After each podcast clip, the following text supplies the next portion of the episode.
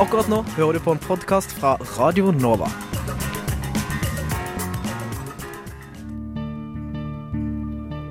For et dette, og det hadde vært siden eh, Noam Chomsky etablerte den greina av lingvistikken som, som jeg befinner meg i. Vi håper jo på bredest mulig oppslutning om SV, og jeg tror at det eneste som kan få norsk løsner båndene mellom staten og kirka, og forhåpentligvis fører til tettere bånd mellom kirka og folk. Så hadde de gjort som andre fjøringsbevegelser i verden, hadde de helt legitimt kanskje tatt i våpen. Og, så direkte skildring av menneskeskjebner tror jeg ikke vi har sett eh, i noen annen nyhetsdekning av noen annen terroraksjon. Det er såpass store forskjeller mellom den kalde krigen, hvor det var to supermakter som sto mot hverandre, eh, og den situasjonen vi har i dag.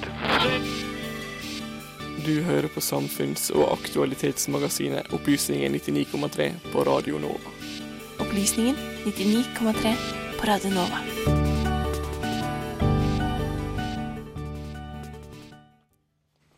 Hva er de langsiktige konsekvensene av høy innvandring til Norge?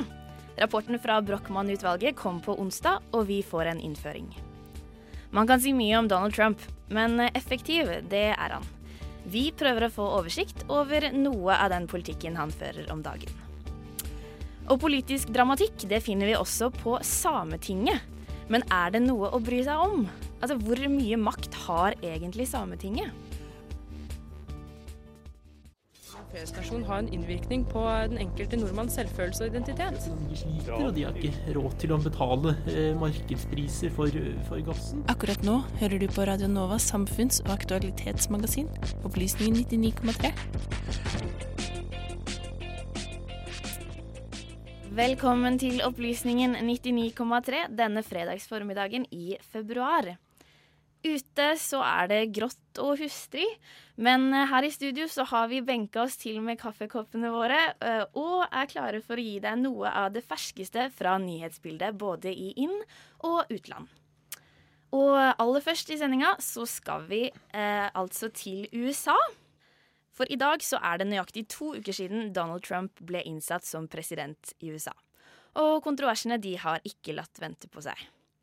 Hver eh, avgjørelse han tar, kan synes å utløse protester i befolkningen. Og um, Trump han har ikke latt eh, pennen hvile de første dagene som president, og han fyller ut den ene executive orderen etter den andre. Og med oss i studio så har vi Mats eh, Motrøen. Du er samfunnsforsker og skribent for bl.a. amerikanskpolitikk.no og Minerva. Velkommen i studio. Takk.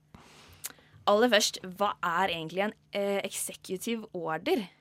Ja, eh, Vi kan kalle det en presidentordre, bare for å gjøre det lett å, å holde det på norsk. Mm. Eh, og dette er jo en, en fullmakt som presidenten, eh, som presidenten har. Og det han, det han da utsteder av presidentordre, det passerer som lover. Det er, det er å oppfatte som, eh, som en lov.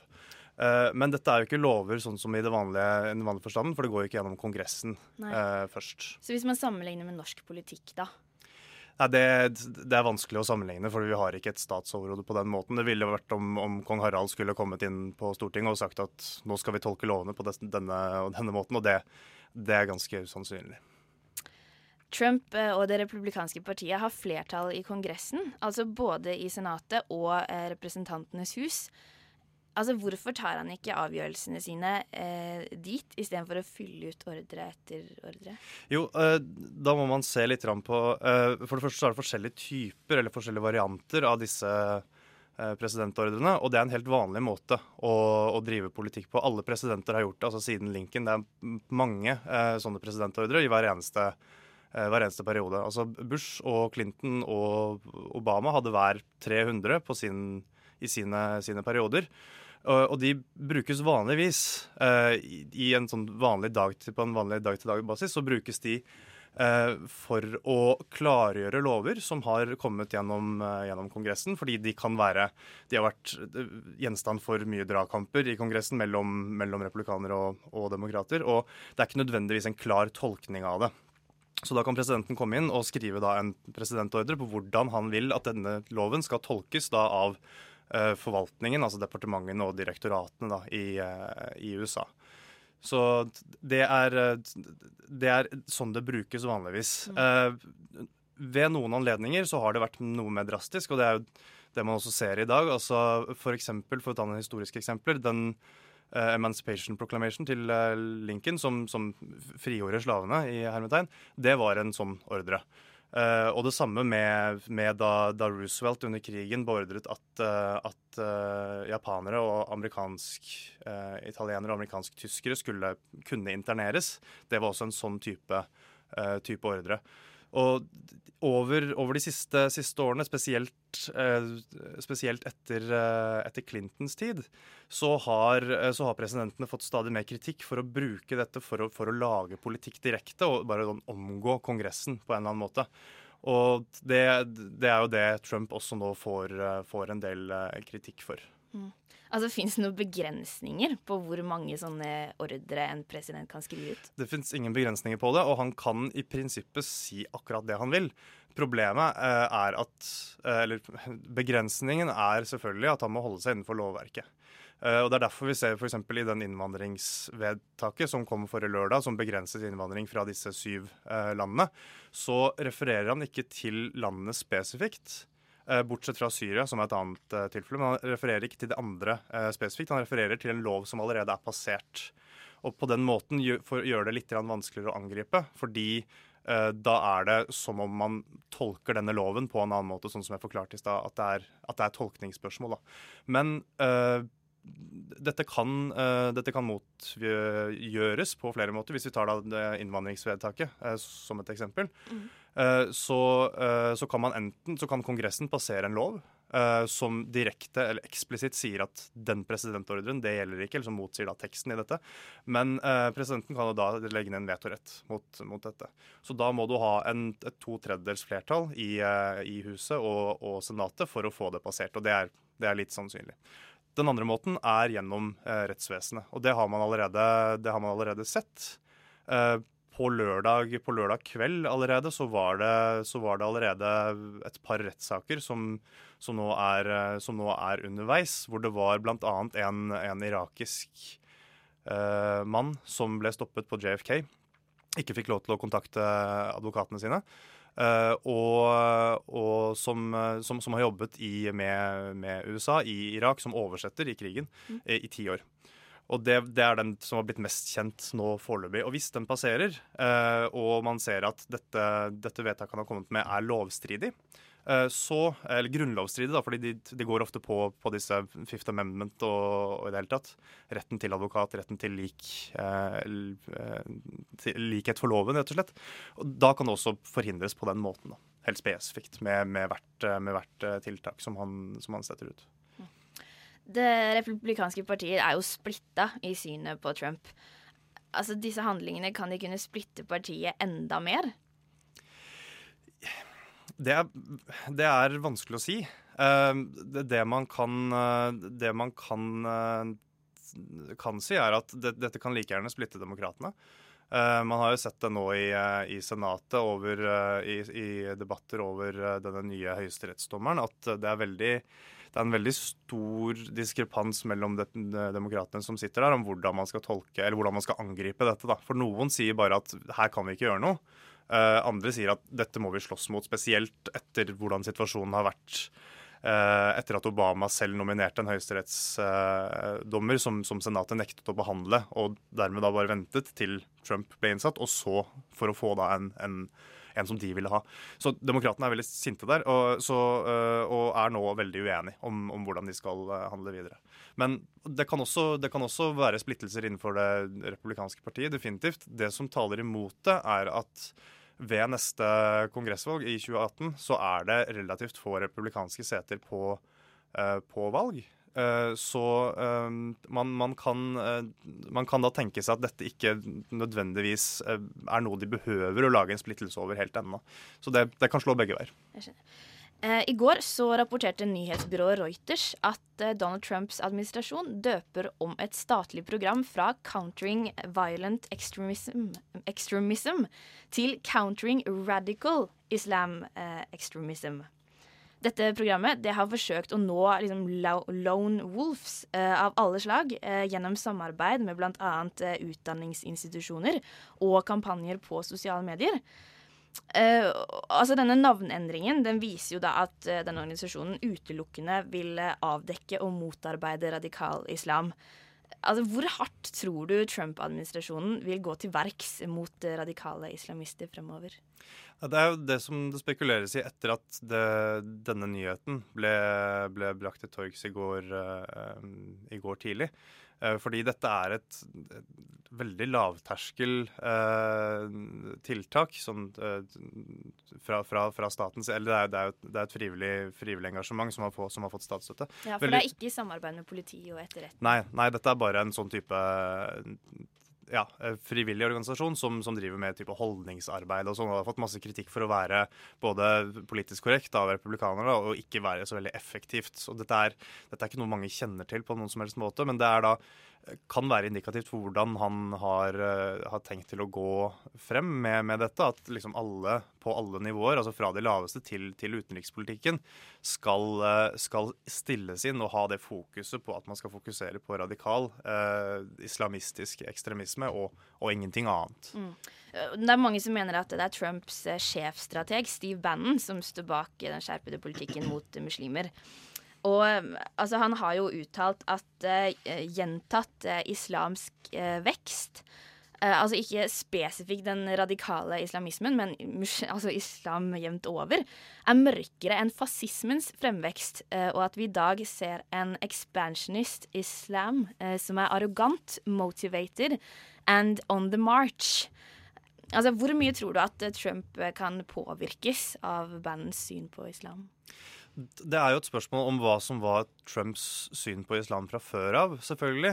Eh, vi vet eh, hva, hva bandet har sagt tidligere. Han har både sagt, kommet med veldig harde uttalelser, sånn som det du nevnte.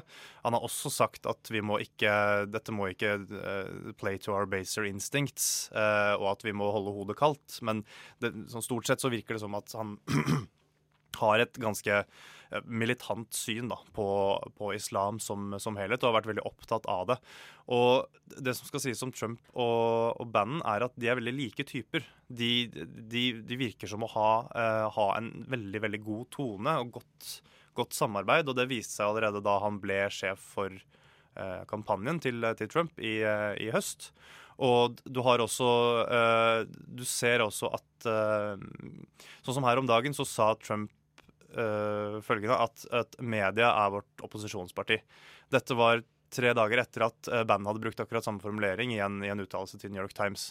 Uh, så de, de er åpenbart veldig, veldig tette. De er like typer. De, liksom, de kommer fra litt sånn samme bakgrunn. Det er som, de, eh, de, de er veldig anti-establishment og anti dette, anti dette sånn som, sånn som demokratene og republikanere tradisjonelt har holdt på.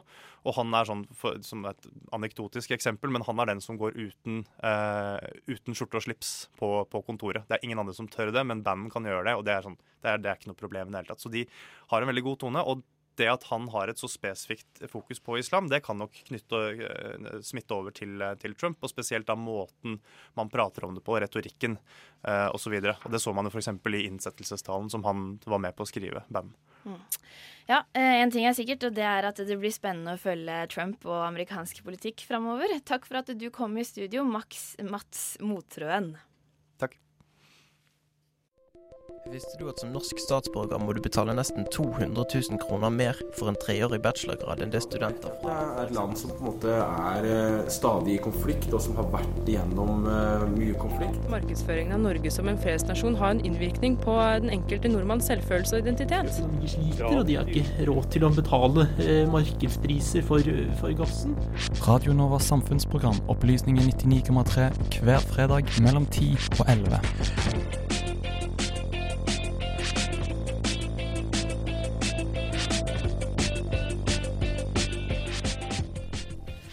Den norske stat er grunnlagt på territoriet til to folk nordmenn og samer.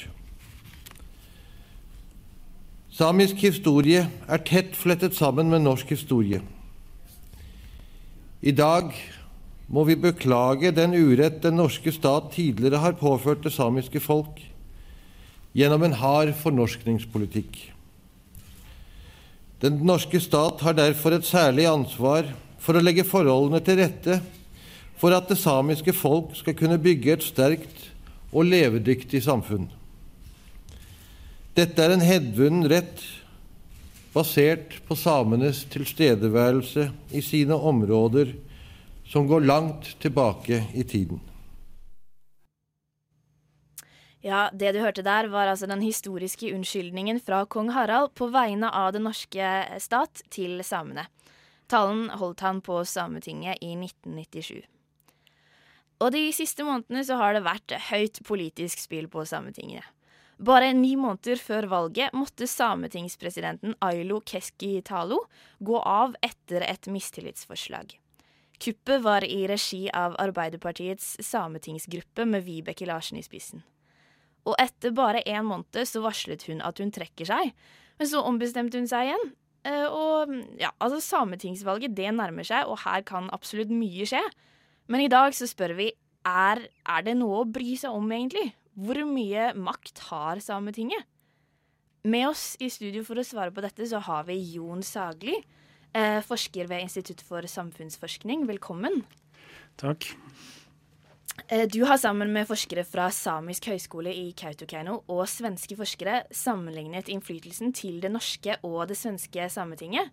Og hva dere har funnet her, det skal vi snakke om seinere. Men aller først, for å forstå uh, Sametinget i dag, så burde vi vel ha, oss, ha med oss et lite historisk tilbakeblikk, syns du ikke det? Ja, det bør vi. Ja. Eh, for i 1979 så startet eh, fem samer den første sultestreiken utenfor Stortinget. De aksjonerte mot Stortingets eh, beslutning mot, om å bygge ut Alta-Kautokeino-vassdraget. Og kravet var at anleggsarbeidet måtte stanses, og at samiske rettigheter måtte respekteres. Var dette starten på arbeidet som skulle bli Sametinget? Ja, det kan du si. Det var jo en det, det, var jo den store eh, kampsaken i, eh, som dominerte norsk politikk på, på den tida, eh, om utbygginga av Altaelva. Det var jo delvis et miljøvernspørsmål som engasjerte miljøaktivister, men, men, også samene, fordi det, det handla om hvordan den utbygginga kunne være til skade for reindrifta. Og du kan jo si at samene tapte den saken, fordi altså, demningen ble bygd i Altaelva. Men samtidig så skapte jo det stor oppmerksomhet om eh, samiske eh, rettigheter i, i, Norge på en måte som det ikke hadde vært før. Og det er også litt dårlig samvittighet for, fra norske politikeres side, sannsynligvis. De, de snakka jo gjerne om urfolks rettigheter rundt omkring i verden, og så oppdaga de at de hadde et problem også i, i Norge. Ja, for denne kampen er i ettertid blitt kjent som Alta-konflikten, og den gikk over mange år. Eller flere, i hvert fall. og eh, altså, selv om man til slutt, som du sa, ikke vant saken eh, fullt ut, så fikk man i 1989 grunnlovsfestet eh, samenes rett til å sikre og utvikle sin egen kultur. Hvor viktig har det vært? Eh, en sånn grunnlovsbestemmelse er jo kanskje mer symbolsk, men eh, det som skjedde etter eh, Alta-konflikten, var at det ble satt ned et utvalg som skulle utrede eh, samenes eh, rettigheter. og et resultat av det var denne grunnlovsparagrafen, og annen, eh, et annet var at Sametinget ble oppretta ja. i 1989.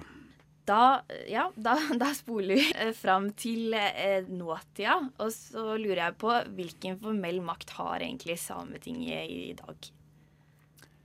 Ikke så veldig mye direkte makt. Eh, Sametinget har jo fått eh, delegert en del oppgaver fra, fra staten. De har noe innenfor eh, språk, innenfor skole med samiske læreplaner og lærebøker. Det er noe med kulturminner og støtte til næringsutvikling osv. Men så har de også mulighet til sjøl å ta opp de sakene de, de ønsker å arbeide med. Og så har de fått gjennom en, en konsultasjonsordning med, med, den norske staten. Sånn at uh, de skal høres uh, i uh, Eller i hvert fall de skal ha konsultasjoner i, med departementene i, i, saker som har betydning for samene. Og så har de også inngått avtaler med, med, kommuner og fylkeskommuner. Det at man driver med konsultasjoner, det er jo ikke nødvendigvis noe garanti for at man blir hørt, men det er i hvert fall en, en kanal og en mulig vei til innflytelse. Jeg skjønner. Eh, Det er ikke bare i Norge at urbefolkningen har et eget demokratisk organ. Også i Sverige så har de et lignende sameting. Det er ikke helt likt, eh, og da du og dine kolleger sammenlignet eh, Sametinget i Norge og Sverige, så fant dere en rekke forhold som gjør at det norske Sametinget har betraktelig mer reell innflytelse på samfunnet enn det svenske. Annet at det norske Sametinget har en friere juridisk stilling. Hva innebærer det? Ja, eh, som sagt så altså i, i lovgrunnlaget som ligger bak eh, opprettelsen av Sametinget, så står det at de kan jobbe med hva de vil. Mens det svenske Sametinget er, eh, har mer begrensa felt de kan arbeide med. Og det svenske Sametinget er også i større grad underlagt staten, sånn at de har en veldig vanskelig dobbeltrolle. På den ene sida skal de være et folkevalgt organ som skal forsvare samenes interesser, men så er de også et slags ja, nærmest direktorat eh, som er underlagt staten, og det er jo ikke så enkelt å kombinere. Dere fant eh, også at Sametinget i Sverige er mye mer splittet enn det norske. Altså, Hvor går denne splittelsen egentlig? Ja, altså Det er en, en gammel, tradisjonell konflikt i det svenske samiske samfunnet mellom de som driver med reindrift og, og de som ikke gjør det. Og Sjøl om det i, i, det svenske Sametinget er mange partier, eh, så er det der hovedkonflikten går. Du kan jo finne sånne motsetninger i, i norsk samisk politikk også, men ikke på samme måte og ikke like sterkt.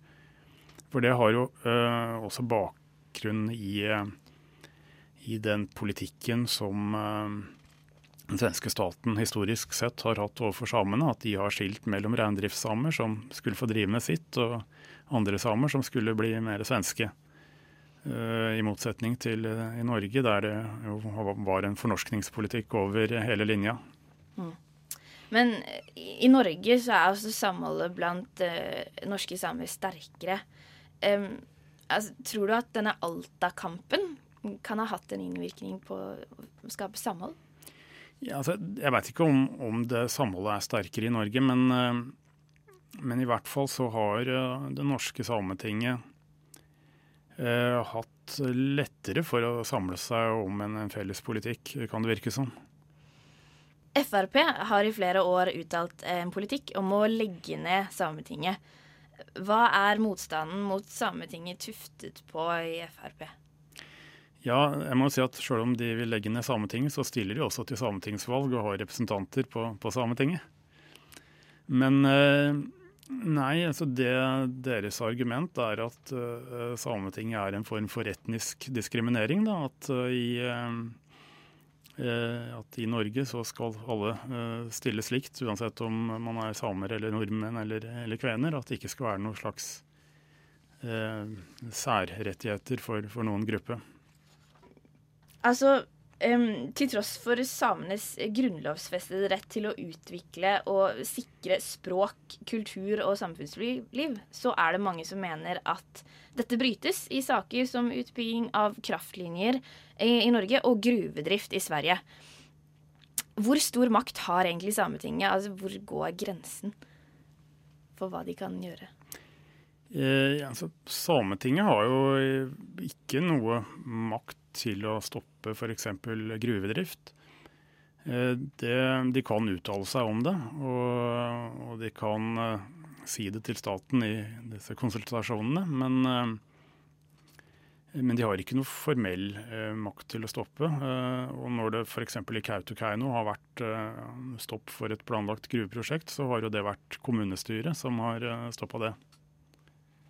Ja, så de har egentlig ikke så mye makt i saker som angår dem selv, utenom språk og kultur? Kan man si det sånn? Um, det er jo avhengig av uh, hvor godt disse konsultasjonene uh, fungerer med staten. Og det kan jo fungere godt på noen områder og dårlig på, på andre områder. Det spørs jo hvor uh, sterke interesser staten har, og i, og i, hvilken grad statens interesser går imot Sametingets.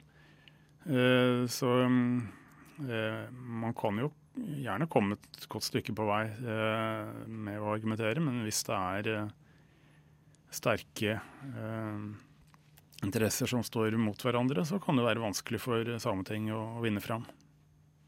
Det, det, var jo, det var jo ikke så veldig gøy å høre, egentlig. Men det må likevel bli siste ord. Takk for at du kom i studio. Jon Sagli, forsker ved Institutt for samfunnsforskning. Ja, takk. Radio Nova, FM 99,3 og radionova.no. Norge er et av landene som tar imot flest flyktninger i forhold til folketall. Hva er de langsiktige konsekvensene av innvandringen? I over ett år så har et utvalg på elleve forskere og fagpersoner jobbet med hva innvandringen til Norge har å si for samfunnsøkonomien, for integrasjonskapasiteten og for videreutvikling av tillit og samhold i samfunnet. Og på onsdag så rapporterte de. Med oss i studio så har vi Håkon Riklis. Du er samfunnsøkonom i tankesmien Civita og har vært en del av dette Brochmann-utvalget. Velkommen i studio. Tusen takk. Aller først, um, har Norge gjort uh, en god jobb så langt med å integrere flyktningene? Både og. Vi har en forholdsvis uh, høy arbeidsdeltakelse blant flyktninger hvis man sammenligner med andre land, men arbeidsdeltakelsen er lav hvis man sammenligner med befolkningen for øvrig.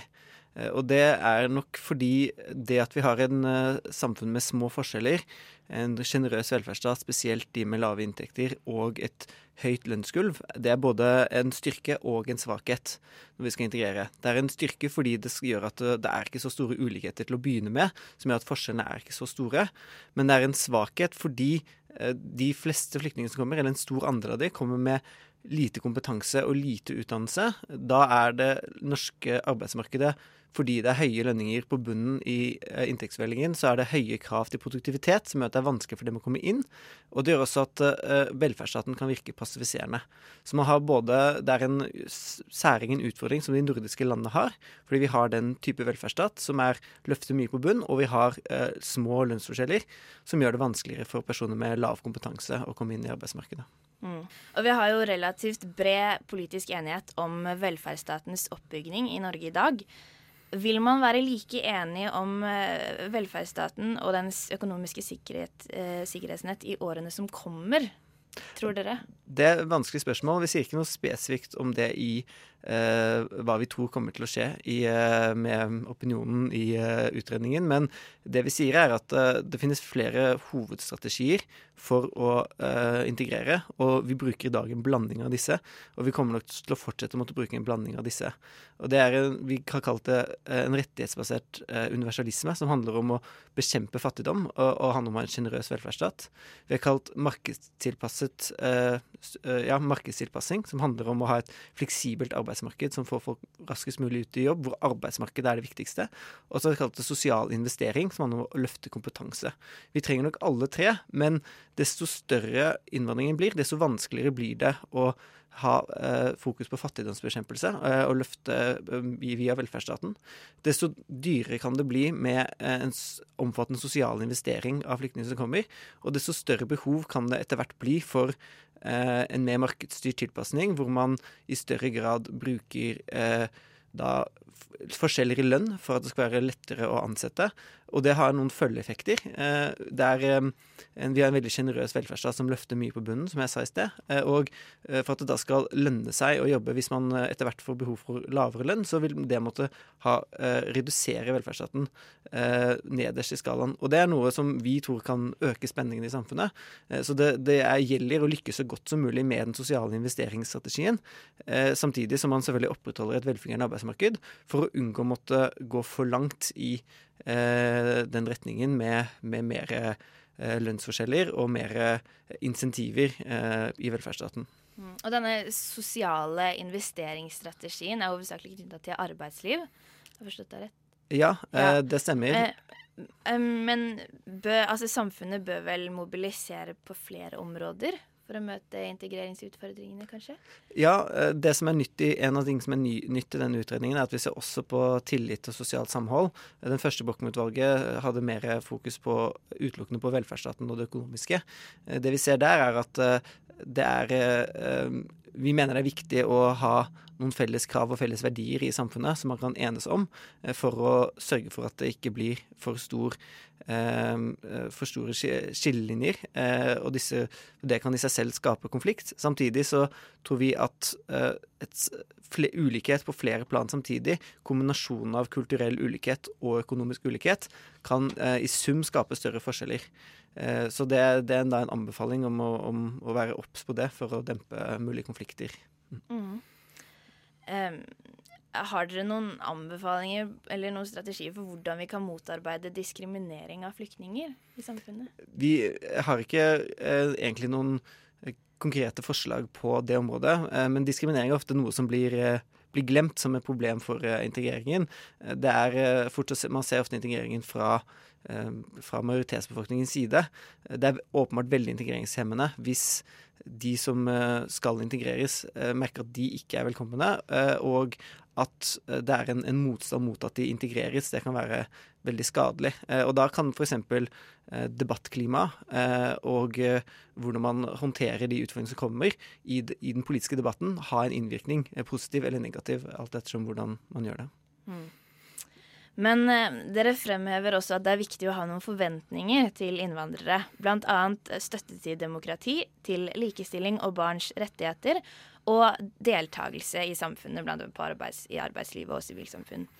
Uh, og videre så anbefaler dere å utarbeide nasjonale retningslinjer for hva myndighetene skal gjøre dersom kulturelle eller religiøse praksiser står i veien for dette. Altså, Hva skal disse nasjonale retningslinjene egentlig innebære? Det, skal, det vi mener, er at det blir etter hvert for krevende for eh, beslutninger på lokal plan å skulle ta alle disse vanskelige verdivalgene. F.eks. Eh, i et Nav-kontor eh, man får tilbud om en, eh, en, en, om en, jobb i serveringsbransjen. Er det da legitimt å si av religiøse grunner så vil jeg ikke servere alkohol? Det er selvfølgelig en, en avveining mellom eh, hvordan eh, Nav-systemet skal fungere eh, og en form for religionsfrihet. Og dette er prinsipielle valg som, som må fattes. Og, og, vi mener at det er nødvendig å ha en prinsipiell og helhetlig tilnærming til dette. Så det er klart for både for samfunnet som helhet hvor grensene går på disse spørsmålene, men også for den enkelte innvandrer som skal integreres, har en klar forståelse av hva som er forventningen fra storsamfunnet. Mm. Så disse forventningene er da no, det, noe dere mener bør jobbes med eller ja. bestemmes framover? Uten at vi har noen, noen, klar anbefaling om hvor man skal sette grensen. Nei. Det er krevende spørsmål, og vi vet også at eh, for, eh, for strenge krav til Eh, og for mye regulering av pri privat individuell atferd også kan være fra, eh, støte eh, innvandrere fra seg og gjøre at man ikke føler seg som en del av samfunnet og ikke føler seg velkommen. F.eks. For, for mye regulering av religiøs privat atferd kan i seg selv være problematisk og ikke fremme integrering på sikt. Ja, og helt avslutningsvis her nå. Altså, Hvordan bør det norske samfunnet forholde seg til flyktningene som, flyktningene som kommer? Skal vi se på de som problemer, eller skal vi se på de som ressurser?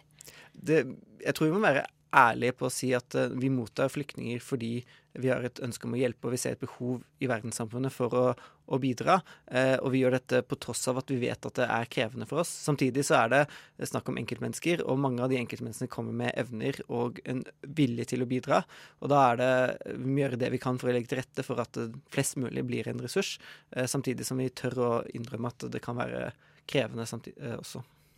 Ok, Et balansert syn der, altså. Tusen takk for at du kom i studio, eh, Håkon Peter Rikles. Bare hyggelig. Det er jo klart for de fleste at noe, noe er galt med verdensøkonomien. Alvorlig galt. First thing I, I went into prison, a young man, and I got out of it a very old man. Du hører på Opplysningen 99,3 på Radio Nova. Ja, det var det vi rakk i ukas utgave av Opplysningen 99,3. Eh, vi håper vi har klart å gjøre deg litt mer opplyst denne fredag formiddagen. Både hva angår det som skjer i Det hvite hus, og hva som skjer på innvandringsfronten i Norge. Eh, og medvirkende til ukas sending det har vært eh, Tom Henrik Monsen, Hanne Kjærland Olsen, Erik Gabo Ekeberg Nilsen. Tekniker det har vært Simon Lima. Ja, og eh, i programlederstolen så satt Kristine Brastad Dammen. Du kan høre oss igjen på Soundcloud og iTunes, og på det du måtte benytte av podkast-apper. Neste uke så kommer det mer. Ha en finfin fin fredag.